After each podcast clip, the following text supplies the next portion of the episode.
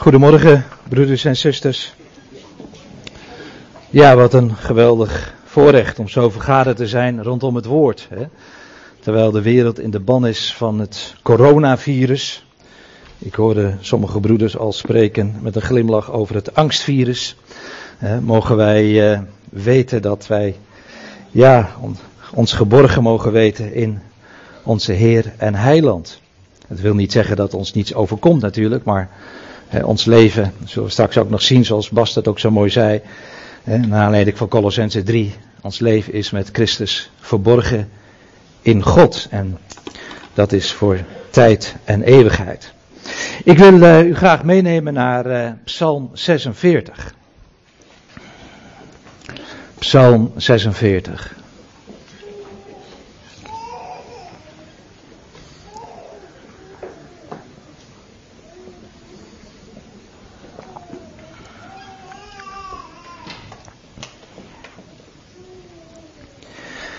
En daar hebben de vertalers boven gezet. Een vaste burcht is onze God. Psalm 46. Een lied op Alamoot voor de korenleider van de zonen van Korach. God is ons een toevlucht en vesting. Hij is in hoge mate een hulp gebleken in benauwdheden. Daarom zullen wij niet bevreesd zijn, al veranderde de aarde van plaats en werden de bergen verzet naar het hart van de zeeën. Laat haar water bruisen, laat het schuimen. Laat de bergen beven door haar onstuimigheid. Sela. De beekjes van de rivier verblijden de stad van God. Het heiligdom, de woningen van de Allerhoogste. God is in haar midden, zij zal niet wankelen. God zal haar helpen bij het aanbreken van de morgen. De heidenvolken tierden, de koninkrijken wankelden. Hij liet zijn stem klinken, de aarde smolt weg. De Heere van de legermachten is met ons. De God van Jacob is voor ons een veilige vesting. Sela. Kom, zie de daden van de Heere, die verwoestingen op de aarde aanricht, die de oorlogen doet ophouden tot aan het einde der aarde. De boog breekt en de speer in stukken slaat, de wagens met vuur verbrandt. Geef het op en weet dat ik God ben. Ik zal geroemd worden onder de heidenvolken. Ik zal geroemd worden op de aarde. De Heere van de legermachten is met ons. De God van Jacob is voor ons een veilige vesting. Sela. Ja, een prachtige psalm, ook een hele bekende psalm. Waar ooit de reformator Maarten Luther dat prachtige lied op heeft gemaakt. Een vaste burcht is onze God, een toevlucht voor de zijnen. Het is inderdaad een lied en er staat bij een lied op Alamoot. En dat is een Hebreeuws woord dat de HSV onvertaald heeft gelaten, maar feitelijk jonge vrouwen betekent. De NBG heeft het dan ook vertaald met jonkvrouwen. En het zou misschien, we kunnen er misschien ook een verwijzing naar uh, zien naar dat eerste lied hè, dat door de vrouwen werd gezongen onder leiding van Mirjam hè, aan de overzijde van de Zelfschee, toen de Heer die geweldige overwinning heeft gegeven en dat volk heeft uitgevoerd uit Egypte en dan Mirjam zingt, zingt voor de Heere, want hij is hoog verheven, het paard en zijn ruiter heeft hij in de zee geworpen. Nou, we zullen met elkaar gaan zien dat deze psalm eigenlijk ook dit wel zo'n beetje ook als strekking heeft. De overwinning die de Heere geeft. Uh, de Heere die, uh, die hoog verheven is. En vervolgens ook afrekent met zijn vijanden. Het paard en zijn ruiter, dat spreekt van kracht. Menselijke kracht ook. Hij heeft het geworpen in de zee. Het is ten einde. Ja, dan staat erbij voor de korenleider. Ik moet dan even denken toen ik dit zo las aan, uh, aan uh, Alette en Jael, hè, die zo mooi eigenlijk ook uh, naar ons helpen bij het zingen. Hè, dat is altijd heel verheugend. Um, maar zo ging het denk ik ook in oud-testamentische tijden, of wel zeker. Er waren korenleiders die, ja, die de Levitische koren ja, die liederen deed instuderen en daar ook leiding aan gaf. Aan die prachtige psalmen. Je kunt uh, dat onder andere lezen in 1 Kronieken 23, vers 30 en 31. daar lees je uh, hoe inderdaad deze Levitische koren uh, zongen. en dan vooral ook zongen bij het ochtend- en bij het avondoffer. En dat moet een geweldige gebeurtenis zijn geweest. Een prachtige klanken die zij zongen ter ere van de Heere God. Waar zij de Heere mee loofden en prijsten. Het was niet alleen maar een muzikaal hoogtepuntje even neerzetten. maar het was echt de bedoeling om vanuit het hart ook de Heere te loven en te prijzen. Ik vind het ook zo mooi dat in de Hebreeuwse Bijbel de, het boek der psalmen wordt uh, aangeduid als Tehillim. En dat betekent ook letterlijk lofprijzingen. En ik, het is altijd zo mooi als je de psalmen doorleest, hè, dat uh, ja, de psalmist vaak ook uiting geeft aan zijn moeite, aan zijn verdriet, aan de strijd die hij ervaart. Uh, en dan eigenlijk toch altijd weer er een kantelmoment in zo'n psalm is, waarop hij dan zich eigenlijk helemaal gaat richten op de Here. En in hem zich als het ware weer hervindt. En weer zijn vrede en zijn vreugde in de Here mag vinden. Een kantelmoment. Uh, misschien wel goed hè, om ons te bewust te zijn dat overmorgen dinsdag dan viert eh, de Joodse gemeenschap Purim. En Purim, nou dat is dat bekende geschiedenis hè, uit het boek Esther. Ik denk dat dat voor velen van ons wel bekend zal zijn. En daar zie je eigenlijk ook zo'n kantelmoment. Zo'n moment waarop dan uh, op een gegeven moment de Heere gaat ingrijpen. Hè. Haman, de jodenhater, die uh, het lot werpt. Hè, uh, voor de dag waarop dan de joden uitgeroeid zouden moeten worden. En ja, dat lot dat dan geworpen wordt. Hè, maar uiteindelijk op zijn, zijn boemerang op zijn eigen hoofd terugkeert. Hè. Um, en dat geeft dan een geweldige reden tot op de dag van vandaag voor de Joodse gemeenschap om dat feest, die gebeurtenis ook te herdenken. In Esther 9, vers 22, daar lees je dat de Joden rust hadden gekregen van al hun vijanden. En uh, dat de Heere in die maand uh, ja, hun verdriet had veranderd in blijdschap. Hè, en hun rouw in een feestdag. Nou, geweldig als je, als je dat leest, hè, hoe, hoe de Heer, hoewel zijn naam eigenlijk in het boek niet voorkomt, hooguit in verborgen vorm, maar niet aan de oppervlakte, maar dat je dan toch ziet dat de Heer in die hele geschiedenis um, ja, de regie in handen heeft. Ik heb trouwens uh, een paar bladen nog meegenomen, waar we dan ook uh, bij Magazine, dat is een beetje sluikreclame natuurlijk, dat begrijp je. Maar achterin daar liggen nog een aantal magazine waar we ook stilstaan inderdaad ook bij dit geweldige feest. Purimfeest, wat dus de Joodse gemeenschap dinsdag hoopt te vieren. Um, nou, laten we eens, eerst eens kijken naar de prachtige geestelijke lessen die uh, in deze 46e psalm te vinden zijn. En de psalmist zegt dan, God is ons een toevlucht en vesting, hij is in hoge mate een hulp gebleken in benauwdheden. Eigenlijk drie dingen wat, wat de psalmist hier uh, zegt over niet zozeer wat de Heere doet, maar wie de Heere is. Wij zijn vaak uh, vooral ge, gefocust op wat de Heere doet, wat Hij geeft. Maar het is zo bijzonder om Hem ook persoonlijk te leren kennen. Te weten wie Hij is. En dat is wat de psalmiste hier eigenlijk zegt. Hè? Uh, hij is ons een toevlucht. En dit heeft ook echt de betekenis van we mogen naar Hem toevluchten. Hè? Hij is voor ons degene waarin in moeilijke omstandigheden wij mogen weten dat we bij Hem veilig zijn. Vluchten naar Hem. Hij is ons een toevlucht. En als je dan naar Hem toevlucht, dan mag je ook ervaren hè, dat Hij ook voor ons een vesting wil zijn. De Statenvertaling geeft hier sterkte en eigenlijk beide vertalingen zijn wel goed. Een vesting, een plek. Ja, hoe zou jij dat noemen, Aaron? Wat is een vesting eigenlijk?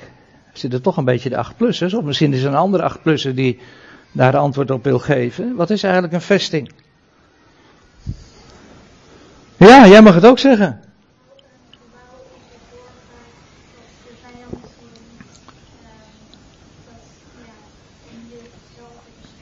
Ja. Ja, prachtige beschrijving. Hè? Dus een plek waar je veilig bent voor de vijand. Die vijand die het wel op jou gemunt heeft, maar als je in die vesting bent, dan ben je veilig. Hè? Hoef je niet bang te zijn. Ja, geweldig. Ja. Nou, dat is inderdaad hè, de vesting. En het is ook een, een sterkte, een sterke vesting. Daarin hè, mogen we weten dat de Heere ons ja, omgeeft. Hè, en wij niet bang hoeven te zijn voor de vijand. En dan staat er, hij is in hoge mate een hulp gebleken in benauwdheden. Het is als het ware ook een ervaringsfeit uh, van, van de psalmist. Dat hij zegt van ja, uh, hij is inderdaad gebleken hè, uh, een hulp te zijn in die benauwdheden. Het is ook een, ook een stukje ervaring wat we ook als gelovigen mogen, ja, mogen, mogen kennen vanuit het omgaan met de Heer. Dat je inderdaad zegt van ja, als je in moeilijke omstandigheden naar Hem toevlucht, dan is Hij er, dat mag je weten. En dan mag je ook ervaren dat, ja, dat, dat de Heer ook doet wat Hij belooft. Hij is er. Hij is die sterke vesting. Hij is die toevlucht waar we elk ogenblik hè, naartoe mogen vluchten als het moeilijk is. Hebben jullie wel eens zulke omstandigheden dat je zegt, nou, daar herken ik mij wel in? Ik kijk nog even naar de 8 plus, want die zijn tenslotte vanmorgen in de dienst. Dat je zegt, oh, ik, ik, het is wel heel erg spannend hoor. Misschien wel bij een repetitie of zo, of misschien als je geplaagd wordt op het, op het schoolplein. Heb je dat wel eens of niet? Jij had het wel eens. Oh, je had het zelfs gisteren nog. Eergisteren, ja. Oh. Ja. Nou, de hele film hoef je niet te vertellen. Maar inderdaad, hè, zo, zo, je kan inderdaad in een spannende film zitten. En dan denk je, oh, hoe zal het aflopen? Hè? Nou, dat, dat, dat kan dan best wel eens een beetje griezelig zijn. Maar geweldig dat we mogen weten hè, dat de Heer overal boven staat. Hè, dat we bij Hem onze toevlucht mogen zoeken. Um, ja, wat mij eigenlijk ook opvalt is dat we lezen, hij is een hulp in benauwdheden. Als je zo de volgorde leest in deze psalmen, deze psalm, dan zie je dat de Heer eerst een hulp is in benauwdheden. En dan vervolgens er een moment gaat komen dat hij ook uit die benauwdheid gaat leiden. Dat de Heer, net als dat volk Israël dat in Egypte, dat weten jullie wel, wat, wat het moeilijk het was in Egypte. Dat volk dat daar uh, voortdurend uh, eigenlijk te maken had hè, met, met, met, die, met die vervelende uh, mensen hè, die het hun het leven, die Egyptenaren die hun het leven moeilijk maakten. En dan uiteindelijk was daar het moment dat de Heer dan dat volk verlost. En zoals Mirjam dan zong, dat, ja, dat inderdaad, dat, dat ook definitief voorbij is. Die vijand die geworpen wordt in de zee en de Heere die hoog verheven is. Maar waar ik vanmorgen toch ook heel even de nadruk op wil leggen, is dat hier staat, hij is een hulp in benauwdheden. Het is geweldig dat we mogen uitzien naar het moment dat de Heer ons volkomen zal verlossen van alle benauwdheden. Dat we mogen uitzien naar de geweldige toekomst die de Heer ons bereid heeft als we straks bij Hem zullen mogen zijn. En dan, dan, ja, het dan ook volmaakt zal zijn. Dat geen verdriet meer zal zijn, geen benauwdheid meer zal zijn. Maar nu in deze tijd kan het zomaar zijn dat je, dat je, dat je nog met benauwdheden, met, met moeilijke omstandigheden te maken hebben, hebt. Die inderdaad ja, je, je angstig maken. Paulus zegt hè, in Romeinen 8, Wie zal ons scheiden van de liefde van Christus? En dan noemt hij nogal wat op. Hè? Dan zegt hij verdrukking, benauwdheid. Nou, dat lezen we hier ook in Psalm 46. Of vervolging, of honger, of naaktheid, of gevaar. Kun je zeggen, ja, dat zijn allemaal dingen die zijn nogal vrij ver van mijn bed. Ja, je zal maar in Noord-Korea wonen. Als christen. Of, of in Syrië. Of, of noem al die landen maar op waar, waar, waar, waar christenen het moeilijk hebben. En waar het inderdaad zo belangrijk is om, om ook voor hen te bidden dat zij ook, ook stand houden. En, en ook mogen ervaren dat, dat de Heer juist ook in die moeilijke omstandigheden hun vast wil houden. Ja, wij worden de hele dag gedood, wij worden beschouwd als slachtschapen, maar dan staat er maar in dit alles zijn wij meer dan overwinnaars die, door Hem die ons heeft liefgehad.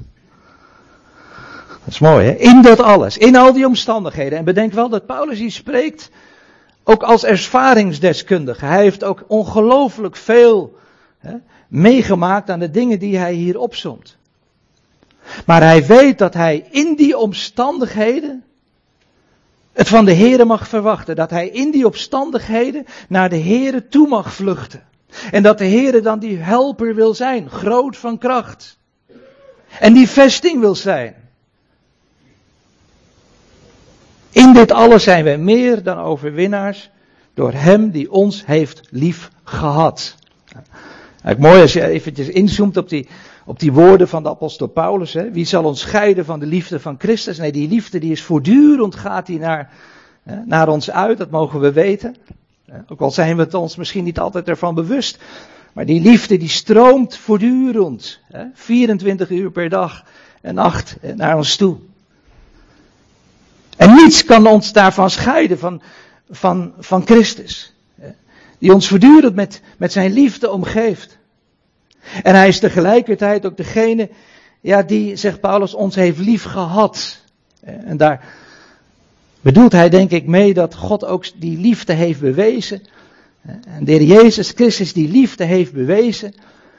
Door voor ons te sterven aan dat kruishout van Golgotha. Dat is het grote monument zou je kunnen zeggen. Waarin we altijd weer mogen, mogen kijken als we ons misschien wat, als we misschien wat twijfel hebben over, ja, houdt God wel van ons? En, en waarom laat God dingen toe dan in mijn leven of in de wereld? En dan heb je eigenlijk altijd dat mooie monument, hè, wat daar staat, hè, onwankelbaar. Dat kruis van Golgotha, waarin de Heere God zijn liefde heeft bewezen. En waar we ook straks hè, bij stil zullen staan bij de tekenen van brood en wijn. Nou, dat wordt vervolgens nog een keer in vers 8 en 12 ook bevestigd. Hè, dat de Heer die toevlucht wil zijn, die vesting wil zijn. Vers 8 en 12 hè, zijn identiek die versen. Hè, de Heer van de legermachten is met ons. Weet je wat daar staat in het Hebreeuws? Heel grappig. Dat woordje Imanu. Met ons. Waar denken jullie aan? Imanu. Imanu. Ja. Maar daar staat weer geen i voor. Dat is nou weer jammer, hè? Gaat niet helemaal op. Ik vond hem mooi gevonden. Emmanuel. Wel. Toch? En wat betekent dat, Emmanuel? God met ons. Dat weten jullie toch? Nou, eigenlijk ligt dat hier alleen verborgen, hè? dat woordje Emmanuel. Emmanuel. God met ons. Want de God van Jacob is voor ons een, een veilige vesting. Weer het woord vesting. Het is niet exact hetzelfde woord als in vers 2. Maar hier heeft dat woordje vesting, wat jullie net al even hebben uitgelegd wat dat nou is. Dat heeft de betekenis, en zo wordt het ook in de Statenvertaling vertaald, met een hoog vertrek. Waar, waar, moeten jullie dan aan denken? Bij een, aan een hoog vertrek. Waar moeten jullie dan aan denken? We hebben net gehad over een vesting. Maar de Heer wil voor ons ook een hoog vertrek zijn. Wat wil dat eigenlijk zeggen? Wie zou dat weten van 8 plus? Ja?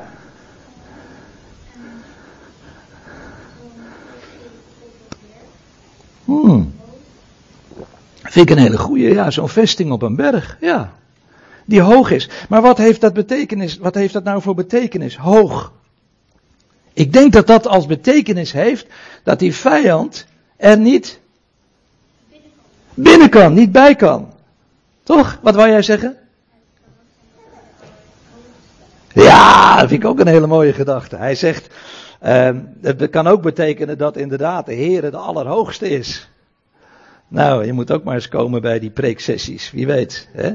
Die we zo een paar keer per jaar hebben. Want het is wel een hele mooie gedachte inderdaad. De Heer is inderdaad de Allerhoogste, gaan we ook in deze psalm zien. Nou, in die Allerhoogste mogen we ons veilig weten. Daar kan de vijand niet bij komen. Hè? Een hoog vertrek. Dat is wat de Heer wil zijn, die Hij is. Denk wel, het gaat hier om de wezenskenmerken van God. Niet wat Hij doet, maar wie Hij is. Daar ligt de nadruk. Ja, en dan ga ik even een sprongetje maken naar vers 11. Want dat vind ik ook wel een hele mooie, mooie vers. Alle versen zijn mooi, maar ik denk dat vers 11 ons ook nog wat helpt uh, om een goed beeld te krijgen van wat de psalmist hier bedoelt. In vers 11 daar lezen wij, heel opmerkelijk, geef het op en weet dat ik God ben.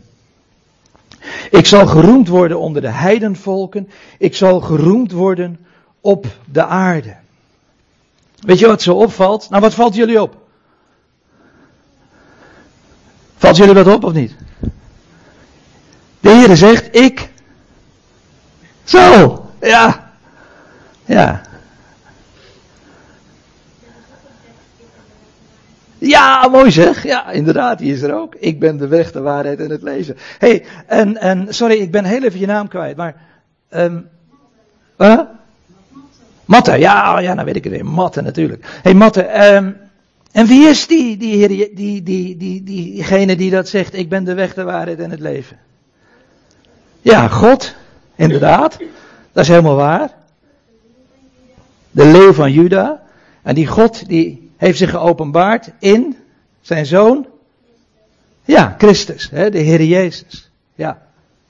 Nou, het opmerkelijke is dat in deze psalm eigenlijk dit ook het enige vers is, vers 11, waarin de ik-vorm wordt gesproken.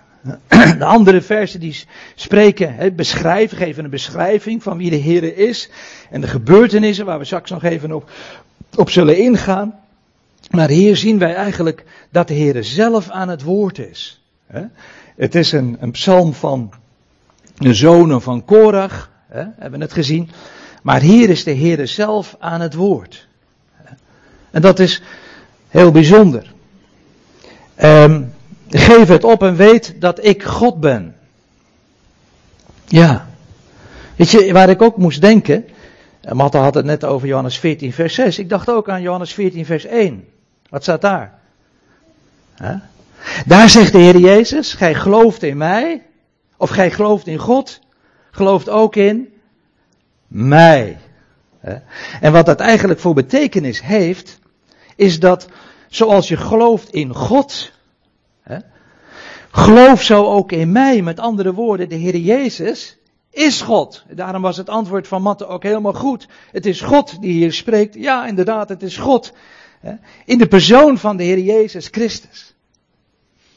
En ik denk dat je, als je dat hier zo leest, geef het op en weet dat ik God ben, dat de Heer inderdaad de mensheid uiteindelijk tot dat bewustzijn wil brengen dat de Heer Jezus degene is, die is de zoon van God. God heeft geen zoon, staat er eh, ja, op die moskee hè, in Jeruzalem. Maar, maar God heeft wel degelijk een zoon. En die zoon die mogen wij kennen in de Heer Jezus Christus. En uh, ja, als we het dan ook hebben over de rust die we mogen ervaren, is dat uh, de Heer Jezus dan ook zegt inderdaad in Johannes 14 vers 1, laat uw hart niet in beroering komen. U gelooft in God, geloof ook in mij. En in Hem, in de Heer Jezus Christus, daar vindt ons hart rust. God is nabijgekomen in de Heer Jezus Christus. En in Hem mag ons hart volkomen rust vinden. Ja, en dat brengt ons dan bij de profetische betekenis van deze psalmen, van deze psalm. Want ehm, ja, geef het op en weet dat ik God ben. Ja, wat moeten dan die heidenvolken, waar het hier vooral ook om gaat, wat moeten die dan opgeven? Nou, wat zij moeten opgeven is hun weerstand tegen de Here en zijn gezalfde. We hebben wel eens vaker een studie gedaan ook. Hè, stilgestaan bij die tekst uit Psalm 2. Hè, de Here en zijn gezalfde. Hè, zijn Messias, de Christus. Hè, waartegen dan eigenlijk de volken te hoop lopen. Nou, waar het eigenlijk om gaat is, is dat, dat, dat, dat ja, die heidenvolken hè, dat, dat gaan opgeven, die weerstand tegen de Here en, en zich bewust gaan worden dat de Jezus Christus, de gezalfde, dat Hij God is. Maar goed, zo ver is het hier nog niet. Want er staat, zoals we kunnen zien in deze psalm, ook nog heel wat te gebeuren. Psalm vers 3, daar staat dat de aarde in beweging zal komen. En de bergen zullen wankelen in het hart van de zee. Naar het hart, zegt de HSV, maar het moet zijn in het hart van de zee. Zoals ook andere vertalingen weergeven. Bergen zijn een metafoor, een beeld, vaak van koninkrijken en machthebbers in de Bijbel.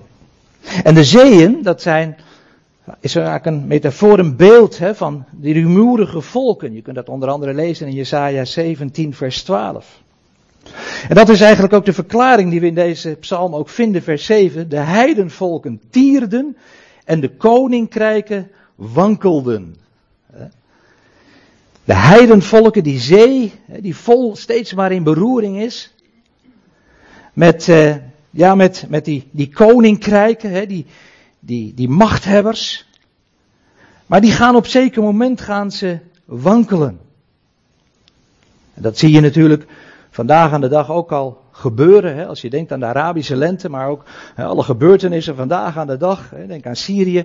Hoe, hoe, daar eigenlijk voortdurend een, ja, die, die, die machthebbers en sowieso in het Midden-Oosten aan het wankelen uh, worden gebracht. Hun, hun positie is verre van zeker. Zij proberen dat wel met, met geweld te onderdrukken. Als op zeker moment de geest uit de fles is, daar zijn ze altijd bang voor ja, dan, dan gaat zo'n koninkrijk gaat wankelen. En dat is eigenlijk wat we hier ook, ook zien. Maar dan vervolgens, in vers 7, hè, dan, dat is vervolg van dat vers, dan heeft het ook nog met wat anders te maken, want er staat er, hij liet zijn stem klinken en de aarde smolt weg. Dus met andere woorden, die aarde, die, die volkeren zee, met die koninkrijken, die machthebbers, het, het gist aan alle kanten. Tot een moment gaat komen dat God zijn stilzwijgen gaat doorbreken. Wat bedoel ik daarmee? Nou, we leven nu in de tijd waarin God zich in stilzwijgen hult. Nou zeg je, maar waarvoor zijn we dan vanmorgen bij elkaar? Ja, inderdaad, om met elkaar naar dat woord van God te luisteren. Eh, en met elkaar dat woord te onderzoeken. Maar wat ik bedoel met, met God stilzwijgen is dat God nog niet zijn stem ja, in, door, zijn woord vanzelfsprekend en in de prediking en in ons getuigenis. maar in feite is God stil. We leven in een tijd waarin God ook niet ingrijpt. Dat zouden we zo graag willen. En er zijn ook heel wat mensen die zeggen, ja, waarom laat God dat dan allemaal toe? Waarom zwijgt God? Dat is de vraag die je veel hoort. Ik denk als je dat aan Bas zou vragen, hè, tijdens de evangelisatie zo op straat en liest, dat ze dat ook vaak zullen horen van, waarom grijpt God niet in? Waarom, waarom zwijgt Hij? Nou, het zal dus een moment gaan komen dat de stem van de Heer weer gehoord gaat worden.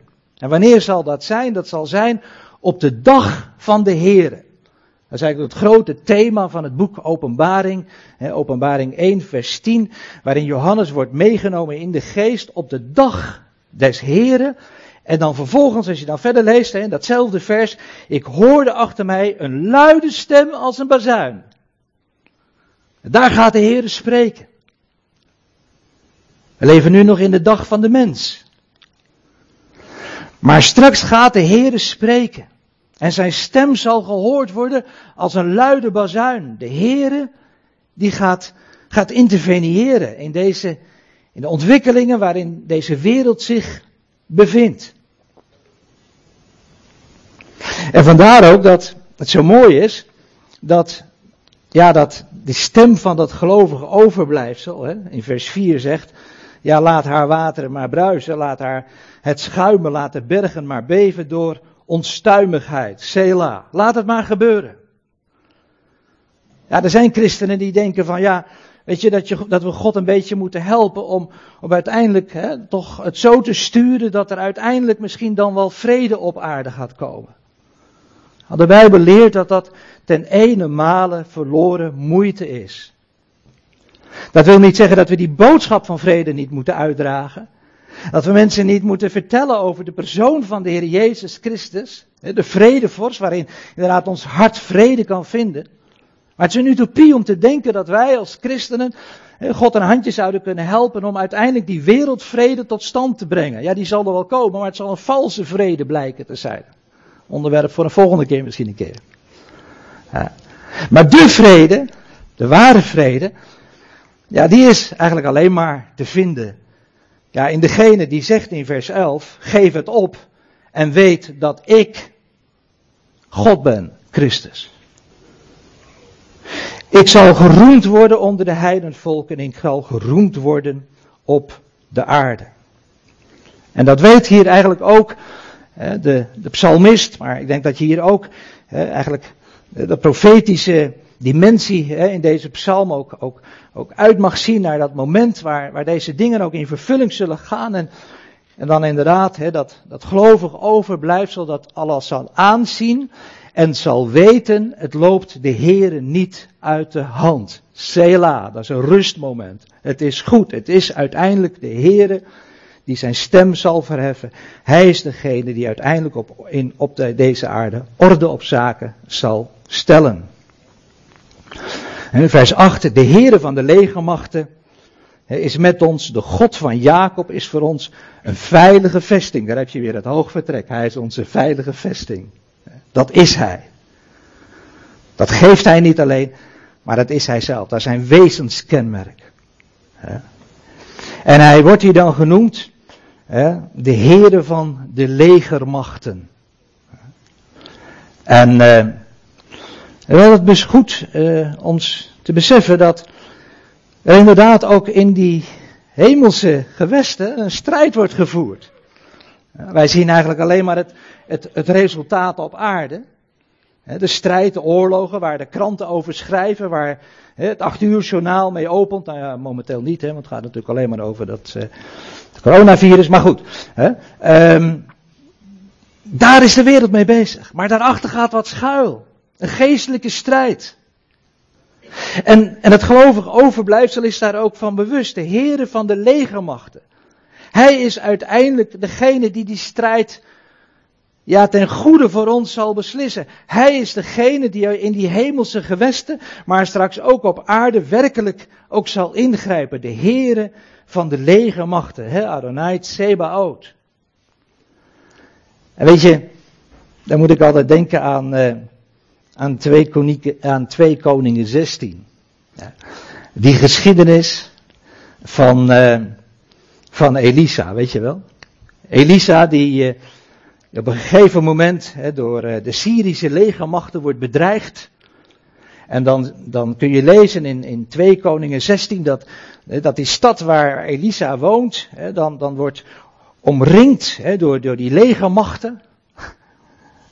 En dan is die, die, die, die knecht van Elisa, die is benauwd. Niet dat hij zuurstof nodig had, misschien ook nog wel. Maar hij is echt benauwd. Hij, hij, hij weet zich geen raad. Wat, hoe moet dit gaan aflopen? Die, die, die, die geweldige overmacht van die, legis, eh, van die Syrische legermachten, daar kunnen we toch met z'n tweeën toch niets tegen inbrengen. En dan zegt die, die knecht van Elisa, ach mijn heer, wat moeten wij doen? Dat, vind ik altijd zo kenmerkend eigenlijk voor ons mensen. Wij willen altijd wat doen, toch? Wat, wat moeten wij nu doen? En dan, uh, dan zie je Elisa met een glimlach. Zeg ik maar even, fantaseer ik er even bij, staat niet in de Bijbel hoor. En zeggen tegen die knecht, uh, wees niet bevreesd, want die bij ons zijn, zijn meer dan die bij hen zijn. En dan bidt Elisa, Heere, open zijn ogen. En daar ontbreekt het ons vaak al aan. Hè? Wat, wat zien wij? Hoe zien wij de dingen? Vanuit welk perspectief zien wij de dingen? En op het moment als de Heer dan die ogen heeft geopend, hè, dan, dan, dan ziet inderdaad hè, um, die knecht van Elisa de realiteit. Want die berg hè, was vol paarden en strijdwagens van vuur rondom Elisa. Geweldig dat, dat, dat, dat deze, deze knecht even mocht zien in die, in die geestelijke wereld. En geweldig dat ook wij dat mogen doen. Dat we Gods woord hebben. Dat we de dingen vanuit, vanuit dat perspectief mogen zien. Vanuit de hemelse positie die wij hebben in de Heer Jezus Christus. Als burgers van een rijk in de hemelen. Dat we zo de, de dingen mogen zien. Elisa en zijn knecht, zij zagen hetzelfde. En toch tegelijkertijd weer vanuit een ander perspectief. Heren, open zijn ogen. En dat is eigenlijk ook het gebed dat we ook voor onszelf en voor elkaar mogen doen. Heren, open onze ogen, zodat wij inderdaad mogen gaan zien, mogen aanschouwen. Hè? Open de ogen van onze harten. Hè? Zodat wij mogen verstaan de dingen zoals ze feitelijk hè, eh, ja, eh, zich aan ons voor mogen doen. Ja, nou vers 9, we gaan nog even snel door. He, daar staat, kom zie de daden van de Heere die verwoestingen op aarde aanricht. Nou, je denkt van, ja, dat is toch wel erg. Hè? Het is dus niet alleen de volkeren die verwoesting aanrichten, maar ook de Heere die, die de verwoesting aanricht. En inderdaad, als je leest in het boek Openbaring, we hadden het er net al eventjes over, hè, over die dag van de Heere. Over die bazuins en die schalen en, en die zegels, hè, zegels, bazuinen en schaaloordelen die nog zullen plaatsvinden, dan zie je dat daar heel veel verwoesting van de Heer ook op aarde nog zal komen. Maar met welk doel? Nou, dat lees je in vers 9 en 10, die de oorlogen doet ophouden tot aan het einde der aarde, de boog breekt en de speer in stukken slaat, de wagens met vuur verbrandt. Daar is het de Heer uiteindelijk om te doen. Om die aarde aan zich te onderwerpen. En dat zal inderdaad gepaard gaan met grote oordelen. Dat zal inderdaad gepaard gaan met, ja, met, met verwoestingen die de Heer op aarde zal moeten aanrichten. Maar altijd met als doel om tot zijn, ja, om die vrede hè, in Christus op aarde te bewerkstelligen. Als de volken werkelijk weten, hè, geef het op en weet dat ik God ben, vers 11. Ik zal geroemd worden onder de heidenvolken. Ik zal geroemd worden op de aarde. Ja, en dan nog een merkwaardig vers waar we dan zo mee willen afsluiten in vers 5. Vers 4, daar staat nog, hè, laat haar water bruisen, laat het schuimen, laat de bergen beven, enzovoort, enzovoort, door haar onstuimigheid. En dan vers 5, een enorm contrast. De beetjes van de rivier verblijven de stad van God. Welke stad is dat? 8 plussers. De stad van God. Oude water. Gouda. Woorden. Multiple choice. Oh ja, die had ik nog even vergeten in het rijtje te zetten. Jeruzalem. Ja, mooi. Dat is de stad van God. Dat is de stad die straks het centrum zal worden. Waar de Heere zal wonen. Waar de Heere zijn koninkrijk op aarde zal vestigen. De stad van God. En uh, ja, dan is het toch wel ook opmerkelijk hè, dat we daar ook verlezen, vers 6, hè, dat God is in haar midden, zij zal niet wankelen. God zal haar helpen bij het aanbreken van de morgen. Er zal een einde komen aan die nacht, er zal een nieuwe dageraad komen. Maar hoe zit het dan met die rivieren en die beekjes? Dat vind ik nog een beetje lastig, of niet dan? Die stad Gods met rivieren en beekjes. Ik weet niet, ben je wel eens in, ik weet niet of jullie wel eens in Jeruzalem zijn geweest. Heb je daar rivieren, rivieren en beekjes gezien? Die daar stromen door de stad? Nee, hè? Niet gezien. Matten misschien wel. Oh, jullie zijn er een keer geweest. Ja, prachtig hè? Oh ja, inderdaad, de tunnel van Ischia. Ja. Nou, het zou zomaar kunnen zijn trouwens dat dat ook een beetje de achtergrond is van deze psalm. Maar goed, daar ga ik even overheen. Maar dat is ook een goede mat, hè? Ja, inderdaad, hè? Want uiteindelijk, hè, in die tijd was daar toch een, water hè, dat die stad binnenkwam. Heel mooi. Nou, dat zou inderdaad ook een mooie achtergrond kunnen zijn. Een geschiedkundige achtergrond kunnen zijn van deze psalm. Nou, Matte, hey, weer, weer een goede, hè? Dus uh, ja, zo met elkaar komen we eigenlijk best een heel eind, hè, met zo'n psalm uit te leggen. Ja, maar ik denk ook vooral, want het gaat hier hè, uit, uiteindelijk om niet alleen de geschiedkundige gebeurtenissen, maar de toekomst. Dat inderdaad Jeruzalem straks de stad zal worden waar inderdaad de rivier uit dat heiligdom zal stromen. Je kunt dat lezen in Ezekiel 47. Misschien wel fijn om dat vanmiddag eens thuis te lezen, als het toch niet zo mooi weer is. Dan moet je maar eens lezen hoe, hoe prachtig daar dat, dat, dat, dat die aarde weer wordt hersteld. En daar een waterstroom zal komen van onder die tempel vandaan en eigenlijk dat hele land weer tot leven zal brengen. Ook de, de Dode Zee. Zijn jullie daar ook geweest? De Dode Zee. Hè? Ja, dat is eigenlijk alleen maar dood. Daar, daar, de vissen die uit de Jordaan komen, die, die, die, die worden meteen, die, die, die zijn meteen, ja, we, Matte, we kunnen, ja, we praten na de dienst nog even gezellig door, joh, want jij hebt volgens mij nog heel veel dingen te vertellen. Heel mooi, leuk hoor, hartstikke goed. Maar in ieder geval, dan, dan komt dat tot leven, dan komt die dode zee weer tot leven. En dan zullen er weer vissen zijn. Kun je allemaal lezen in Ezekiel 47. Maar wat ik zo mooi vind is dan in Zachariah 14, daar wordt dat ook gezegd. En daar staat op die dag, Zachariah 14 vers 8 en 9, daar gaan we afsluiten. Op die dag zal het geschieden dat er levend water vanuit Jeruzalem zal stromen. De ene helft ervan naar de zee in het oosten. En de andere zee, andere helft, naar de zee in het westen. Zomers en winters zal het plaatsvinden. En de Heere zal koning worden over heel de aarde. Op die dag, belangrijke aanduiding in het profetisch woord, op die dag zal de Heere de enige zijn en zijn naam de enige. Is dat niet mooi? God heeft een geweldige toekomst. Ook voor deze aarde. Ook voor ons. Ook voor jou, voor mij, voor nu. Maar geweldig te mogen weten dat er een moment zal komen dat, dat zijn naam de enige zal zijn. En welke naam is dat? Wel, geef het op en weet dat ik God ben.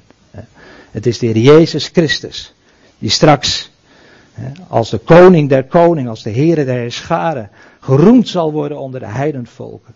Geroemd zal worden op de aarde. En de Heere van de legermachten, zo eindigt de psalm, is met ons. De God van Jacob is voor ons een veilige vesting, oftewel een hoog vertrek. En ik moet weer denken aan die woorden, die inderdaad terecht, eh, ook Bas zo mooi zei. Ons leven is met Christus verborgen in God. Voor altijd veilig, voor tijd en eeuwigheid. Geloofd zijn zijn wonderbare naam. Amen.